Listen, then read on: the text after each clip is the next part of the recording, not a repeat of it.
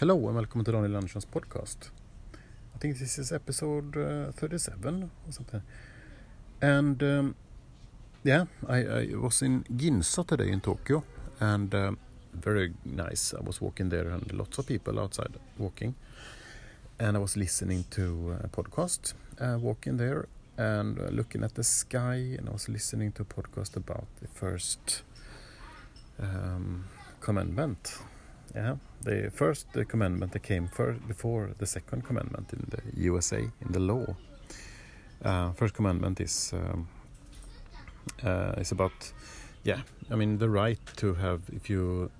Mm, I mean, sec second commandment is about weapons you can bring. First commandment, that's uh, just you know the thing that you yeah you go to church and you pray before the dinner and all that.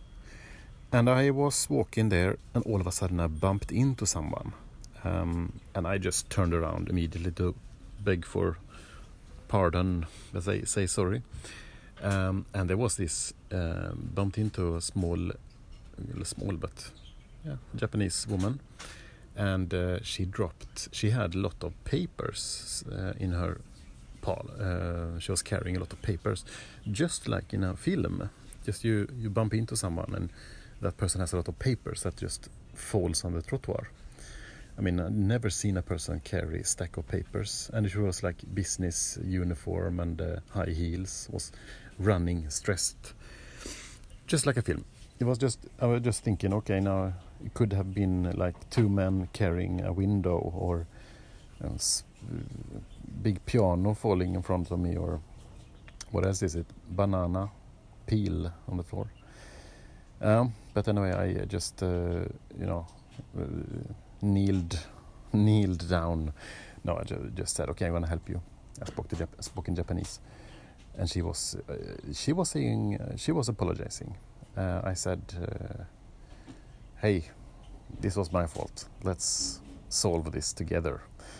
Ah, not not really exactly like that, but a little bit like that. And then I helped her, and she was working on just around the corner there, I just uh, uh, didn't walk. I mean, I said goodbye, you know, gave a paper, and then so she walked in there, and I was just standing, look, what kind of place that was, and it was uh, an old. It looks like, uh, but I imagine it was a newspaper um, that has had an office there. So nice newspaper office. A classic, uh, really cool, and it was just that meeting someone uh, like that with papers. What was she doing with that? And then she was like tripping up, just yeah, running up uh, the stairs. I was wondering if there is a uh, news uh, paper manager standing there watching out of Ginza, the grey, little bit grey hair on, on, the sides, and he has a white shirt with, uh, you know, he tucked up the, roll up the sleeves and he stands there with the arms on the desk and just where with a cigar maybe in the in the mouth, um, just swearing and getting angry. Maybe. I hope it that was uh, the image. and then I walked, uh, just continue walking and uh, and uh, forgot about it until now. I, I just remember what uh, that was really interesting moment in Tokyo. Uh, big city experience that you sometimes see and uh, now you also have heard about that. Now we're gonna try something new. We're gonna have different segments in this podcast, a little bit longer than usual. And uh, the next segment, yeah, that is about how you organize your clothes at home. Yeah, because we all have so different. We have you know socks, underwear, and socks is underwear maybe, but underwear, long trousers, short trousers now, uh, and and shirt and, and so on how do we keep it in order and uh, to still look good and no, don't spend so much time in the evening uh, in the morning? That's what we're going to talk about organizing your style and what is uh, popular among young uh, people in, in today 2020 summer that we're going to talk about after this. Okay yeah this uh, now, this segment is about fashion uh, or clothes in general and um, organizing organizing clothes. My tips is one box per item. And um, common sense maybe, but socks one box. I mean, other underwear also one box, and then you have trousers, you know, jeans one box, cotton, cotton, cotton uh, trousers one box, shirts hanging, sweaters, three colors of each. Then you're done. So not so much to talk about that, but what I want to talk about instead is uh, fashion. What does what do young people have, and what I mean, and when can you stop with that? when, when you know when are you too old for baseball cap and all that? Yeah, very interesting topic. And I think if you look at people in the 20s today in Tokyo, they have um, often I think that is what they call norm core. That it's like you need to look super normal. But you can immediately see when someone is norm core. Because mm, it's you need to look really ordinary. So Converse sneakers, jeans that are kind of a little bit not tight, normal, just straight. Um, and then white t-shirt with like McDonald's logo on it. And no makeup. Maybe just red lipstick. Um, that is that's it. That's that's fashion. And I mm, it doesn't look good if I wear that. I'm 40 years old. Then it would look like that's actually normcore it I mean, it looks good. It doesn't look bad either. It's just what it is. Actually normcore is real normcore if you're 40 years old. That's how it's going to be. That's how it is, I think. But then fashion, what is it then? Uh, yeah, baseball cap. Yeah, 40. That's the limit when you cannot. There's so many things with 40. You cannot do this and that when you're 40 years old. Rule of 39 and all that. Um, yeah, I don't know where. Yes, well, I, I, do know actually where it comes from. This is a baseball cap because um, in uh, America, United States of America, North America, because if I said America, it could also be South America.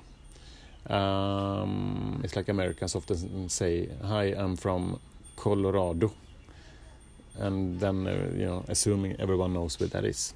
I know it's a little bit north because they have all the mountains. Just Colorado, image of ice hockey and um, skiing, and then you know, okay, must be north, so you can a little bit impress. But American people doesn't get impressed because they expect you to know. Anyway, what did I talk about? Uh, America, North America. Kind of lost the thread. What did I talk about? Baseball. Um, so baseball cap you cannot wear because it was only baseball player who used baseball cap before. Um, before Babe Ruth. Babe Ruth was the one who actually broke the kind of limit or the border taboo around baseball caps because he was the oldest baseball player at the time.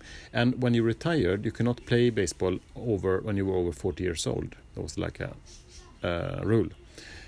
He was the one who first one who became over 40 years old playing baseball, and he still, which meant he still used his baseball cap. That's why people also started to use it to show sympathy, and you know, yes, finally someone made uh, a breakthrough, um, broke the taboo, and led um, this new change in uh, also become fashion. So today, totally legitimate, legitimate, legitimate legit. I was about to say lit. I think that is a young person's. That's also something men over 40 cannot say lit. Now I did it. But anyway, legit, legitimate to wear, to wear after Babe Ruth introduced this. And today I have three baseball caps. I use them sometimes. Sometimes I just need to when I'm out and it's warm or you know when it's sunny. It's a very good item and should not be limited to people under 40. That's it. Next segment is going to be about the computer mouse. Who invented that actually, and um, what does that person do today? Yes, welcome back. Segment three of Daniel Lundström podcast, episode 37, I think it is. computer mouse. What did it come from? Who invented that? Yeah, that is a very, very interesting story. Um, as many, as Ted said before, many inventions were created by NASA. For example, the coffee machine that I spoke about earlier uh, in an early episode, which was never used in a spacecraft, uh, but now in everyone's household. Also, microwave microwave oven, as well as the um, uh, vacuum vacuum cleaner actually. Um, mouse also was also developed by NASA because to reduce, um, yeah, I mean to because you had you sit in there in the cockpit um, and uh, you have so many buttons to control. You cannot touch, you can reach them all. Um, the first uh, in the first uh, space shuttles they had like sticks that astronaut could point at, you know, to take the stick and kind of push the button. But that is a little bit, I mean, just when I say it now, you hear how strange it sounds. So they created this, um, the mouse, um, not because of the shape. It actually, mouse is as often in American language an abbreviation. Uh, M O U S E. So it's, um, I can't really, what is it now? Military Space operation no? Military operation space no military operation. I can't really um, can't remember now but i will like put it later in the feed here. But it's about uh, yeah from the military uh, military operations um, special special device then to control unit um, and and um, it was with a code first of course and they took it and they could kind of click on different monitors while sitting down, just waiting for the for the launch um, in a secure way. And then, yeah, now I think they reduced the amount of buttons in the cockpit, so they also, um, yeah, didn't need that one. Then became uh, instead they started to use that in the control center because uh, they thought this is a good idea and it's also better for ergonomics.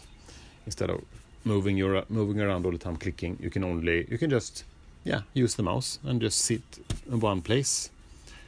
And then you hear the common noise that has been so popularized.